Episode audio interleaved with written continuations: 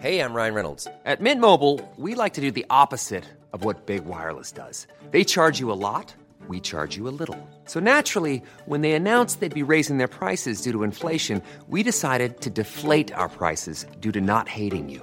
That's right. We're cutting the price of Mint Unlimited from $30 a month to just $15 a month. Give it a try at mintmobile.com slash switch. $45 upfront for three months plus taxes and fees. Promo rate for new customers for limited time. Unlimited more than 40 gigabytes per month. Slows. Full terms at mintmobile.com.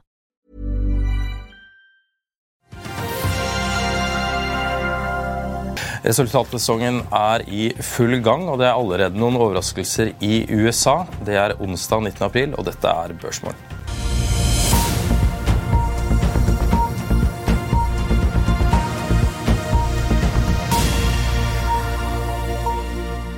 Velkommen til Børsmorgen her hos Finansavisen på denne onsdagen i april. Jeg er Marius Mørk Larsen, og med meg har jeg Karl Johan Molnes. Vi starter med litt kjapp info. Førhandelen på handelsplattformen IG er ned 0,14% mens aksjeekspert hos Nordnett, Roger Berntsen, venter en ganske flat åpning. Flat stemning ble det også i Asia i natt, hvor japanske Nikkei er ned 0,4 eh, Ned er også Topix-indeksen, som falt 0,3% tilbake.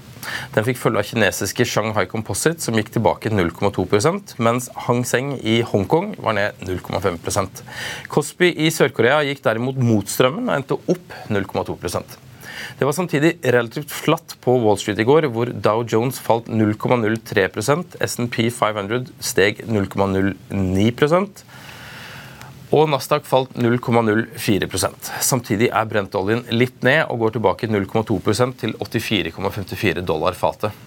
Det er resultatsesong, og Morgan Stanley publiserer kvartalsrapport i dag i Oslo Børs åpningstid. Alcoa, IBM og Tesla publiserer sine kvartalsrapporter etter stengetid i USA. Innen oljeservice skal eh, Saipem og Baker Hughes legge frem sine tall. I USA har resultatene begynt å vise seg, og en av de som er skuffet, er Goldman Sachs. De la frem tall i går, og investeringsbanken leverte bedre inntjening enn ventet i første kvartal, men topplinjen fikk en knekk. Goldman Sachs melder om et resultat etter skatt på 3,23 milliarder dollar, eller 8,79 dollar per aksje i første kvartal. Dette er ned fra 3,83 milliarder dollar, eller 10,76 dollar per aksje i samme periode i fjor. Netflix skuffet også etter at de fikk et resultat på 1,31 milliarder dollar, ned fra 1,6 milliarder dollar i samme periode i fjor. Kanskje mer skuffende enn resultatet var veksten i antall abonnenter, som landet på 1,75 millioner mot ventet 2,4 millioner. Selskapet velger samtidig at de skalerer tilbake utrullingen av denne kampen mot passorddeling som de har holdt på med i et års tid, etter at den kampanjen skal bidra til å hemme abonnementsveksten. Aker BP melder at de venter nedskrivninger på rundt 400 millioner før skatt i første kvartal knyttet til Edvard Grieg-området. Nettoproduksjonen var 452 700 fat per dag i første kvartal 2023, sammenlignet med 432 000 fat i fjerde kvartal. Barclays nedjusterer kursmålet fra 435 kroner til 420 kroner og gjentar kjøpsanbefalingen. De løfter samtidig kjøpsmålet for Subsea 7 fra 160 kroner til 200 kroner og gjentar kjøpsanbefalingen. Aksjen ble sist omsatt for 121,9 kroner. Finansavisens nyhetsbrev Børsbjellen er også ute, og vi har hentet et par analyser de nevner. JP Morgan nedjusterer kursmålet for Equinor fra 310 kroner til 290 kroner og gjentar salgsanbefalingen. Aksjen ble sist omsatt for 305 kroner. Barclays kutter kursmålet for Vår Energi fra 48 kroner til 36,50 kroner og opprettholder kjøpsanbefalingen. Den aksjen ble sist omsatt for 25,67 kroner. Og så helt til slutt, SEB eh, oppjusterer kursmålet fra Movi fra 198 kroner til 215 kroner og gjentar kjøp. Aksjen ble sist omsatt for 200 kroner. Da er vi straks tilbake med Nykode, som har en eh, De kom ut med et varsel i går som de er her i studio for å snakke om, rett etter dette. Vil du bli oppdatert på det viktigste som har skjedd innen finans og næringsliv? Da er det bare å følge med, for hver morgen er jeg, Marius Lorentzen og aksjekommentator Karl Johan Malnes på plass i studio for å ta tempen på dagens marked i Børsmorgen. Og hver ettermiddag oppsummerer vi alt du trenger å vite i økonominyhetene, og det blir selvfølgelig masse interessante gjester. Klikk deg inn på fa.no-tv, eller søk opp Børsmorgen og Økonominyhetene der du hører på podkast. I'll see you in court. Vi sier det ofte litt på spøk, men for deg som driver business, er det aldri moro å innse at du ikke har laget en 100% gyldig kontrakt. Du bør ikke risikere hele firmaet ditt fordi du synes dette med kontrakter er litt stress. En avtale er ikke en avtale. Du kan miste kunder, miste venner, ja, til og med miste inntekter om du ikke lager en skikkelig kontrakt, på alt mulig, egentlig. Men vi vet det er et styr. Kopimaskiner, treg printer og haugevis av papir. Dessuten stoler vi jo på folk her i landet. Det er ofte litt kleint å skulle be om en signatur for alt mulig, ja, for mye av styret handler også om jakten på underskriften. Det finnes en enkel måte å løse dette på, Dukkobit, en trygg, effektiv og get this, gratis måte å sikre seg en god natts søvn pluss en juridisk bindende avtale. Dukkobit-appen har de strengeste sikkerhetskrav i bunn, samt en EU-godkjent og sertifisert teknologi. Framover vil det bli behagelig å spørre du, skal vi skrive under på det, eller? Kom i gang på dokobit.no.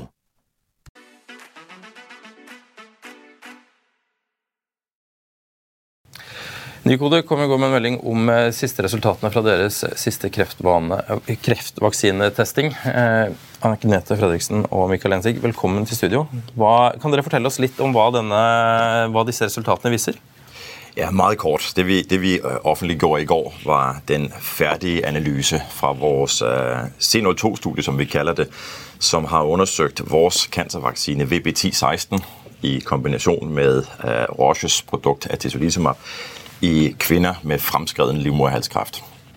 Og det er altså vigtigt på, at det her er en patientgruppe, som normalt efter fem år uh, vil du kun se 5% i live. Så, så det er uh, desværre en patientgruppe, der ikke har andre behandlingsmuligheder på det tidspunkt, de kommer ind i vores studie. Og uh, der er mange, mange interessante data i, i det, vi, vi offentliggjorde i går. Det, vi selv hæfter os mest ved, er det, vi kalder overlevelse når, når dagen er, er omme, og både myndighederne og vi skal sidde og kigge på det her, så det, der tæller allermest, det er, hvad har vi gjort ved overlevelsen af patienterne. Og der så vi jo i, i går, det, som jeg siger, og jeg er lidt emotionel her, når det slår benene væk under os, mere end 25 øh, måneders overlevelse i den patientgruppe, som har det lille molekyl, der hedder PDL1 på ydersiden. Øh, og det er altså en, en overlevelse, der slår alt, hvad vi hidtil har set i, uh, i feltet, og, og alle konkurrenter med, med længder. Um, og det, det, det gør altså, at vi er endnu mere optimistiske og har endnu mere tiltro på ikke kun vores produkt, vores cancervaccine VBT16, men også på hele vores teknologiplatform. Um, fordi som vi tænker, hvis det virker på VBT16, Hvorfor skulle det så ikke virke på vores næste cancervaccine? Og vi har jo et meget spændende samarbejde med Genentech omkring persontilpassede cancervacciner. Hva er veien videre nå for denne vaksinetestingen? Nu er vi færdige med fase 2, øh, som, som var det, det studie, vi, vi offentliggjorde i går.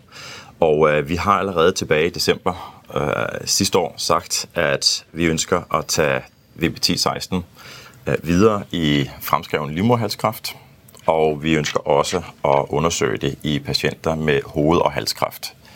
Og det er de to største cancergrupper, som er drevet af den her HPV-16-virus.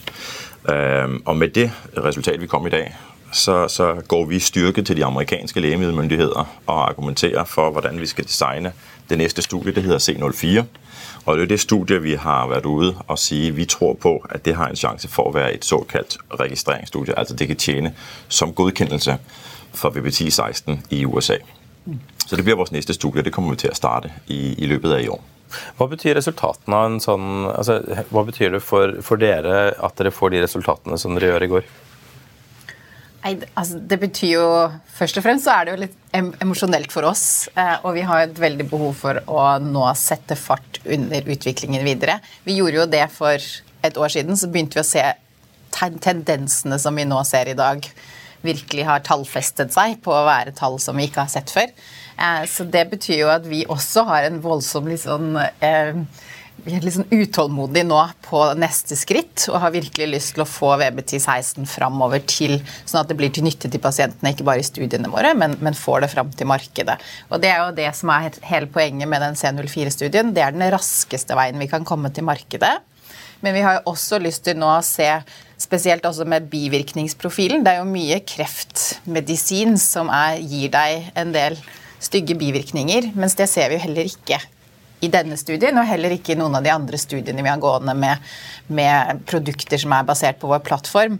Og Det betyr jo også at vi har et sterkt ønske om å komme inn så tidlig som mulig i behandlingsrekken av pasienter med livmorhalskreft, men siden dette er et produkt som også eh, mekanistisk har, har, stor mulighet for å fungere minst like godt egentlig i hode og hals og andre kreftformer, så vil vi også gjerne eh, se på det å komme inn i tidligere fase, sånn at vi får pasientene med en gang. Denne her lange effekt, langvarige effekten vi ser, jo, og uten bivirkninger, vil jo være noe som vil være veldig attraktivt, mener vi, for, for pasienter også veldig tidlig fase. Så Det er jo det første som betyr noe. Men jeg tror for selskapet sin del, den troen, det å gå på jobb hver dag Det er mange som jobber hardt og lenge til alle døgnets tider. Spesielt siden vi har såpass mye samarbeid vi har med, med USA osv. Det er mange som har en arbeidsdag som nærmest begynner. Ikke at den ikke, ikke har begynt før, men som også begynner litt seriøst når klokka blir to, tre, fire. Eh, og det å vite at man går på jobb hver dag og gjør en forskjell for pasienter Dette er livmorhalskreftpasientene vi har med her, har en gjennomsnittsalder på under 50 år. Eh, så det er jo mange av oss som føler at vi har ganske sånn gjenkjennelighet på hva det betyr for pasientene. Så for oss i selskapet og alle ansatte tror jeg det gir en veldig motivasjon. Og det siste er jo det at dette er en plattform i den største forstand av en plattform. Sånn at den mekanismen, den måten vi har laget vaksiner på, lager en spesiell type immunrespons som vi hele tiden har trodd og sett i alle tidligere faser. Man går gjennom preklinikk og fase 1 og tidligere osv. Ja, har vi hele tiden sett at vi lager noe annet enn andre vaksiner. Og det er ikke nødvendigvis eh, spesifikt for denne HPV-vaksinen vår, det er spesifikt for plattformen vår. Så det gir oss en veldig tiltro til plattformen og at vi skal få til det samme tilsvarende mekanismen, og håper da på samme tilsvarende effekt. Når vi går videre og lager vaksiner både for de individualiserte, som vi jobber med Genentech, så håper og tror vi at vi får den samme, at vi lager de samme type immunrespons som gir en lang effekt og overlevelse uten bivirkninger. Og også for de andre produktene vi nå har i preklinikk, som vi har tenkt å ta inn i klinikk. Så de en, det er ikke bare produktet, men det er liksom plattformen og, og sånn sett hele selskapet, da.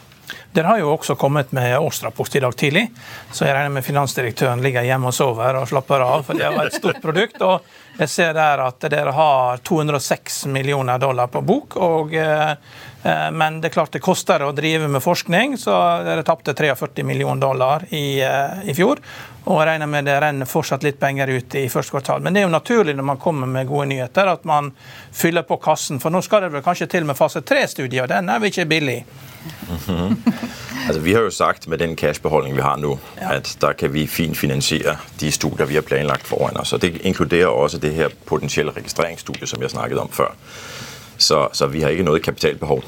Um, og uh, er ganske komfortable med den cash-posisjonen vi, vi har på nåværende tidspunkt. Den rækker år ut i fremtiden, flere år ut i fremtiden. Så, så ingen problemer, ingen, ingen, behov for å fylle. Er det fordi at dere har signert samarbeidsavtaler der at de store selskapene som Regeneron og Genentech tar en stor del av kostnadene? Ja, altså vi flytter jo mange omkostninger både på vårt Genentech-arbeid over til Genentech, øh, og spesielt når vi er ferdige med det studiet vi kører. Og alt hva vi laver i samarbeid med Regeneron, er betalt av Regeneron.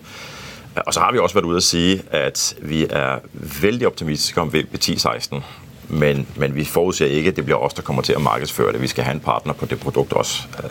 Så det er klart, det ligger jo også inne i våre, våre planer. Jeg ser nå bak eh, ryggen din at markedet har iallfall tatt imot dette med det godt, positivt. Ja. Det er opp 14,5% fra starten av. Ja. Vi ser hvordan det går utover i dagen. Men uh, hvor lang er veien til mål herfra? For det, altså, sånn tidsmessig sett, ja. hvis, hvis, alt går som det skal da, altså Ingenting er jo garantert eh, selv etter en fase 2-studie, men hvor, langt, hvor lang er veien til mål for dere nå?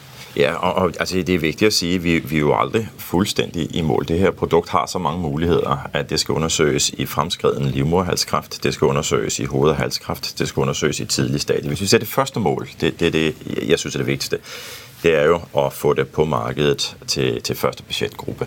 Og det er der, hvor vi kikker på fremskreden livmorhalskreft, altså en, en pasientpopulasjon meget lik den, vi offentliggjorde i går. Og Der ønsker vi nå å starte det studiet der heter C04. Og Det uh, tror og håper vi på vi kan bli enige med de amerikanske myndigheter om er et såkalt godkjennelsesstudie, altså registreringsstudie. Uh, og Vi har også vært ute og si at det kommer til å inneholde uh, et relativt overskuelig antall pasienter, så vi kan selv køre det igjennom. Vi starter det i år. Og jeg tror det er realistisk å tro at vi kan være ferdige med det senest i 2027. Og så begynne å snakke med vores amerikanske myndigheter om det, og forhåpentlig, hvis resultatene er gode, uh, kunne man forestille seg at det førte til en godkjennelse. Enten i 27 eller 28. Så det er da, det 2027 på en måte investorene bør begynne å kunne håpe på å få en avkastning på investeringen sin? da? Ja, altså det, det, er jo vores eget håp. og Der rammer vi for første gang øh, pasienter og markedet med vores, med vores produkt. Det er jo mange milepæler før den Absolut. tid. Vi skal jo starte det. Vi skal ha en interimanalyse der hvor vi ser ser det ut som om dette går riktig vei. Og så vil jo dataene komme ut fra det finale før man så får godkjennelse osv. Så, videre. så det vil jo være mange skritt på veien her som, som derisker eh, casen i forhold til om det blir godkjent og så solgt. Uh, og så vil vi jo gjerne undersøke både hode og hals samtidig med samme produkt. Vi vil også eventuelt har veldig lyst til å begynne å se på adjuvantsetting eh, etter hvert. Som er denne adjuvantsetting. Det betyr disse pasientene vi har inne i studiet nå, de har gjerne gått gjennom kirurgi. Eh, de fleste radioterapi. Så har de også fått minst to ulike kjemoterapier osv. Og, så og så har de feilet dette. Og så har de nå blitt tilbudt vår vaksine, hvor vi så ser at vi dobler overlevelsen minst. Vi har jo egentlig ikke ferdige data, for vi har fortsatt mange, altså Vi har ferdige data, men vi har fortsatt pasienter i studien som lever og som ikke har progresjon. Så når vi sier minst 25 måneder, så er det fordi den, det tallet vil øke når vi følger disse pasientene lenger. Vi har jo flere pasienter også med komplett respons, som fortsatt er i komplett respons. Sånn at dette 25-månedertallet vil jo også øke i, i, framtiden. Så det er, det er, jo mye som skal, eh, som skal skje. Men adjuvantsetting det betyr at, at du går inn og behandler pasientene der helt tidlig. Når de har hatt kirurgi, f.eks. Du sa nå at dere ikke trenger penger, uh, hente penger nå. Men når trenger dere å hente penger? Det har vi ikke avgjort med oss selv endnu. Det avhenger av, jeg vil si, i hvert fall en stor øh, faktor. Det er øh, hvornår vi går ut og laver et partnerskab på VPT16. Um, og det, det, blir den drivende faktor for, for, det. Og det har vi også sagt, det er en overvejelse av hvornår vi synes det gir mest øh, værdi for, for, både projektet og aksjonærene. Det, det, er jo litt, lidt for simpelt, så er det sånn, Jo længere tid vi venter, jo større blir avtalen. Uh, men jo flere penger skal vi også selv bruke for å komme derhen til. Så, så der ligger vi hele tiden i en overvejelse og en dialog med masser av partnere for å finne ut av hva det riktige tidspunkt. Uh, det er jo ikke noe vi har startet nå, det er noe vi har startet for lang tid siden. Så, så, alt avhengig av hvordan de partnerskapsforhandlinger de går, så, så, kommer det til å avgjøre det. Veldig bra. Dette høres jo veldig spennende ut. Tusen takk for at dere kom i studio for å fortelle. Og vi har fått med oss Hogne Tysøy fra Bergen. Velkommen til oss. Takk for det. Du, hadde, du røpte at du ville Du hadde litt å fortelle på vei inn i eh, sendingen her? Ja, eh, dette er litt sånn, kall det litt prematurt, men allikevel veldig viktig. Og takk for tiden at vi får lov å slippe til. Eh, Karl Johan og vi har kjent hverandre siden 1980-tallet eh, og vært kollegaer i ulike sammenhenger. Og jobbet med sjømat og finans på kryss og tvers i lang tid. Eh, jeg har nå en, hatt et pauseår i den forstand at jeg var med å bygge opp Holbergfond i Bergen i 21 år. Fant et nytt eierskap og en ny setting for det, og har valgt å gå videre i livet med nye spennende ting. Eh, jeg, jeg, må bare, jeg, må bare, skyte inn. Kan du prøve å holde kameraet i ro? Eh... Ja, jeg beklager det. Vi står på Bryggen i Bergen. vet du. Vi er i havbyen Bergen og, og har en ute, utesending. Så vi forhåpentligvis så skal jeg prøve å gjøre det best mulig. La, eh, eh, nei, tilbake igjen til historien. Vi, vi, er i en veldig spennende tid. Vi er i en tid hvor eh, havbruksnæringen står i eh, i mitt fokus, skal dere vite. Og I den forbindelse så har jeg nå eh, nylig signert til å bli CFO i et selskap som heter Ovum. Eh, og Ovum har vært presentert i Finansavisen senest for et par uker siden med en flott artikkel med gründeren Cato Lyngøy. og Han står ved siden av meg her. Eh, og vi to skal i fellesskap nå eh, arbeide tett med tanke på å utvikle dette selskapet videre fra den fantastiske posisjonen de har og ta på mange måter neste steg i, i flytende Oppdretts-Norge, for å si det sånn. Så hvis dere ikke har noe imot det, så bringer jeg inn i kameraet også Cato, som står ved min side her, og som som sagt er gründer, eh, veterinær av bakgrunn, har lang fartstid i Movi. Eh, og har eh, veldig mye å bidra med i forhold til den utviklingen som vi ser nå for oss i lukkede mersystemer og i produksjon av det, det mest bærekraftige proteinet som kanskje produseres, som er det som lages i norsk, eh, norsk havbruk. Så, så eh, Karl Johan, og eh, her, her, her får, du, får dere en kar til med inn i bildet ja. som jeg har veldig lyst til å introdusere. Som, som, som sagt Cato Lyngøy. Eh, administrerende direktør i Ovum og eh, blir min eh, sjef, for å si det sånn, i tiden som kommer. Er dette egget, eller er det en annen teknologi? Det er egget, ja. Det stemmer. Takk for at vi får lov å være med. Ehm, Eh, vi eh, er jo en fin gjeng som står bak eh, egget og eggteknologien. Og har ambisjon om å utvikle dette selskapet nå videre til, til et vekstselskap i grønn sektor. Og I den forbindelse så er det utrolig kjekt for, for oss at Hogne nå har sagt han har lyst til å være med på det, dette reiset med oss. da. Hva, hva, er det, hva, er erfaringene så langt? da? Får dere stor nok fisk med den teknologien? Ja, nå har vi, nå har vi eh, hatt en pilot i sjøen siden i fjor eh, sommer. Eh, vi satte inn fisk i eh, fjor høst, 9.10. Den eh, tok vi ut av egget nå i, eh, i mars måned. Og kort fortalt så viste den en vekst ca. 40% over det som er vanlig i, i norske merder. Eh, vi hadde en dødelighet under 1 eh, 1 og vi hadde en veldig, veldig lav og god fôrutnyttelse. Hvordan er konsistensen på fisken? Like bra som fisk i andre merder? Ja, det gjenstår litt å svare på. da. Det vi ser er at vi klarer å trene fisken i egget ved hjelp av å sette vannet i en strømbevegelse. Eh, og Dermed så får vi en veldig sprek og god fisk da, som vi tror er veldig skikka for livet i merdene. Eh, og Vårt første trinn er til å produsere fisk opp til et kilo velda, kanskje, og tilby den da til, eh, til vanlig merdoppdrett. Gjennom det så får vi en vesentlig redusert risiko for næringen, fordi at det er i den første kritiske fasen at veldig mye av potensialet i fisken blir, blir skapt. da. Det er, det er superstorsmolt dette her, altså, i sjøen? Ja, vi kaller det gjerne for postmoltproduksjon. Eh, eh, slik at, eh, og Det som skjer når, når, en oppdretter han får tak i fisk på rundt et kilo, det er at han får en veldig mye kortere tid i den åpne merdfasen. Ferdig lusebehandlinger, eh, selvfølgelig en sterkere fisk og en fisk som vokser raskere. Og han får raskere omløpstid på biomassen sin i matfiskkonsesjonene som igjen gir en høyere MTB-utnyttelse. Hogne, dette er jo et, en endring for din del fra å være forvalter til å nå skulle gå inn som finansdirektør. Hvor, hvorfor velger du å gå denne veien? Nei, det er jo, eh, for å si det sånn da, Med mine 35 år i finans, med å ha sett hundrevis av bedrifter og jobbet veldig tett inn mot dem, men aldri fått anledning til å gå i dybden på denne måten, så er det en kjempespennende utfordring for min del. Og en utrolig eh, kapabel gjeng som allerede er samlet under Catos ledelse, som gjør det utrolig inspirerende å få lov å være med, med på dette. Så vil jeg ile til å si at jeg har jo vært med å bygge bedrift også gjennom å gründe, være medgründer i Holbergfond. Og bygge det til en av landets største uavhengige fondsforvaltere på 20 år. Så jeg har jo vært med sånn sett å bygge bedrift eh, tidligere. Og Den erfaringen kommer til å bli nyttig også i den jobben som jeg nå skal gå inn i. Hvor jeg skal være med og egentlig bygge et av de ledende selskap innenfor eh, oppdrett eh, og produksjon av oppdrettsutstyr i Norge. Hvor mange av disse eggene er det dere har, og hvor mange er det dere skal uh, ha ut?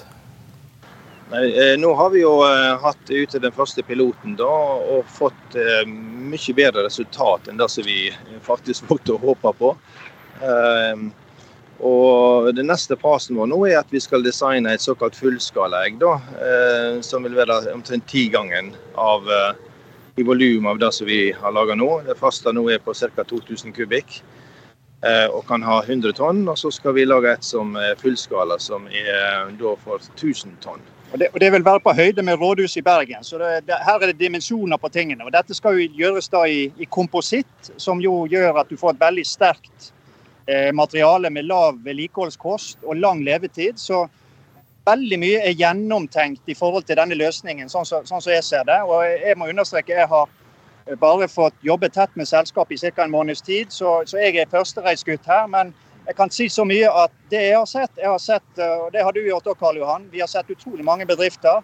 Her er i hvert fall magefølelsen veldig god, og miljøet og teamet er det, Dette er rett i Eliteserien. Så her skal, vi, her, skal være, her skal, vi, være, med på en veldig spennende reise. og Jeg bare håper jeg evner å fylle den funksjonen jeg skal på en, på en god måte. Og bl.a. være i kontakt med systemer som dere. Når du kommer inn, er det noen planer om uh, pengehenting eller uh, noteringer, eller hva, hva, er, hva, er, veien videre nå? Ja, vi er ennå i en tidlig fase her med planleggingen, men jeg kan si så mye at vi har til hensikt å sysselsette ganske betydelig kapital over en lengre periode. Så blir dette å bygge litt som Mons Ivar Mjelde i Brann eh, ble kjent for, stein på stein. Så det blir liksom en fase én her med en kapitalutvidelse i løpet av ikke altfor lang tid. Og så er dette selskapet etter min mening moden for børsnotering i løpet av ett til to års tid. Eh, med det oppsettet som vi har i dag, og med på en måte en modningsprosess og en opplæringsprosess i alt hva det innbefatter å være et børsnotert selskap. Så, så, så vi, er, vi, er, i gang med alle disse prosessene her og har hatt de første oppstartsmøtene både med Oslo Børs og med tilretteleggere. Så sier jeg ikke mer enn at eh, jeg tror, jeg tror, jeg tror vi sier, tar ikke for sterkt inn, vi sier at i hvert fall deler av dette eh, konsernet kommer til å være på børs i løpet av et par års tid. Men, men uh, benchmark her er jo disse her eh, landbaserte uh, småttanleggene som man begynte med på ferjene. SalMar har et, Norway Royal Salmon har et til som de bygde som SalMar kjøpte. Og, og de lager jo smolt opp til en halv kilo. Og, og, det er jo på land, og da slipper man jo den grunnrenteskatten. Disse, disse her eggene, blir det på land? Blir regnet for å være på land, eller blir det regnet for å være i sjø, slik at dere må betale grunnrenteskatt for dette? Her? Ja, nei, Vi satser på flytende lukka i sjø. Um, og vi, vi, har jo en klar sammenligning til landbasert i den forstand at vi eh, hvis vi ser på investeringskosten per kilo, så ligger vi omtrent på en eh, kvart til en tredjepart av investerte kroner per kilo for samme kapasitet. Ehm, og I tillegg så vil vi jo bruke ca. 25-30% av den energien som trengs for å produsere kilo fisk, med å ligge flytende i sjø. Vi mener at det er et mye, mye grønnere eh, alternativ. Og vi mener at det er en, en veldig fornuftig eh, vekstmodell for, for norsk oppdrettsnæring. Så, så dere er i hav, og, og, da vil altså dette bli som uh, oljesektoren, at uh, det vil bli veldig høy marginalskatt, men det betyr at uh, det er staten som er med å finansiere dette? Da er det det dere sier? Ja, ja her, her, er det jo vi, nå får vi ta den, Karl Johan. Vi er jo ennå ikke i mål med hvilken modell denne grunnrenteskatten får. Men jeg er jo, er jo blant de som sier at vi, vi er nødt til å tenke helhetlig rundt også vårt skattesystem. Så her Forhåpentligvis skal vi, skal vi, få løsninger som gjør at det er levelig å jobbe med denne type konsepter i tiden, i tiden som kommer. Eh, ingen tvil om at grunnrenteskatten den, eh, er noe som eh, plager hele næringen i dag. Men vi er bare nødt til å tilpasse oss. og Jeg, jeg tror det at dette selskapet skal bli, skal bli ut fra de fra kostnadskalkyler som vi har i dag, og understreker det, vi er bare i pilotfasen ennå. Men det som det ser ut for, er at vi skal også bli en veldig kostnadseffektiv produksjonsmetode i, i tiden som kommer. Mm. tenker vi vel da at, eh, at uansett skattemodell og uansett uh, reguleringer, så vil det aldri gå av moten i norsk oppdrettsnæring å produsere en sunn og sterk uh, og god fisk som både overlever og ikke minst vokser godt. Hogne og Cato, dette var veldig spennende nyheter. Vi har sluppet opp for tid. Eh, tusen takk for at dere kom på fra Bergen. Vi er straks tilbake. Du hører på Klokkelandslaget, en podkast fra Finansavisen i samarbeid med tidssonen.no. Og ja, du gjettet riktig, dette er en podkast om klokker. Vi står her med en av de nyere nå. Hvis man har fulgt utviklingen fra de første Astron-klokkene Og så har du en sånn litt sånn Starburst-aktig skive. Men ikke bare om klokkene. Vi skal snakke liksom om tingene som skjer rundt. eh, folkene. Men jeg ønsket meg klokke i konfirmasjonsgave. Mm. Alle kompisene fikk det. Jeg fikk det ikke. Jeg fikk gullmansjettknapper. Jeg er dritsur på foreldrene mine. Nyhetene, eh, historiene, merkene. Hva som er interessant i klokkeverden, rett og slett.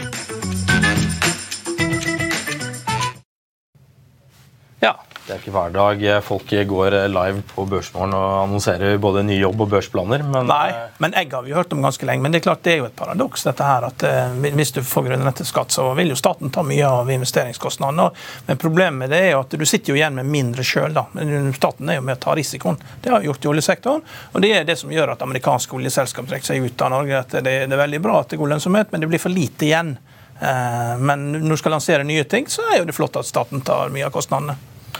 Har du lagt merke til noen andre ting i dag?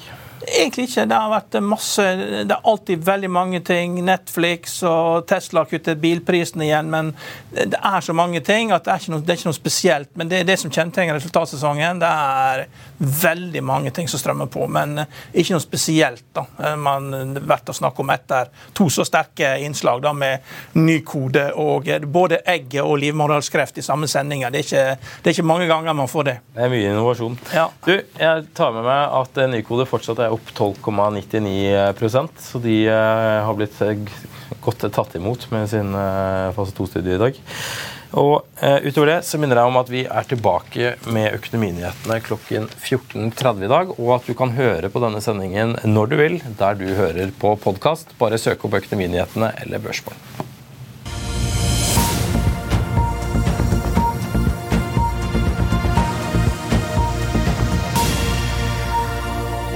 Økonominyhetene er en podkast fra Finansavisen. Programledere er Marius Lorentzen, Stein Ove Haugen og Benedikte Storm Bamvik. Produsenter er Lars Brenden Skram og Bashar Johar. Og ansvarlig redaktør er Trygve Hegnar.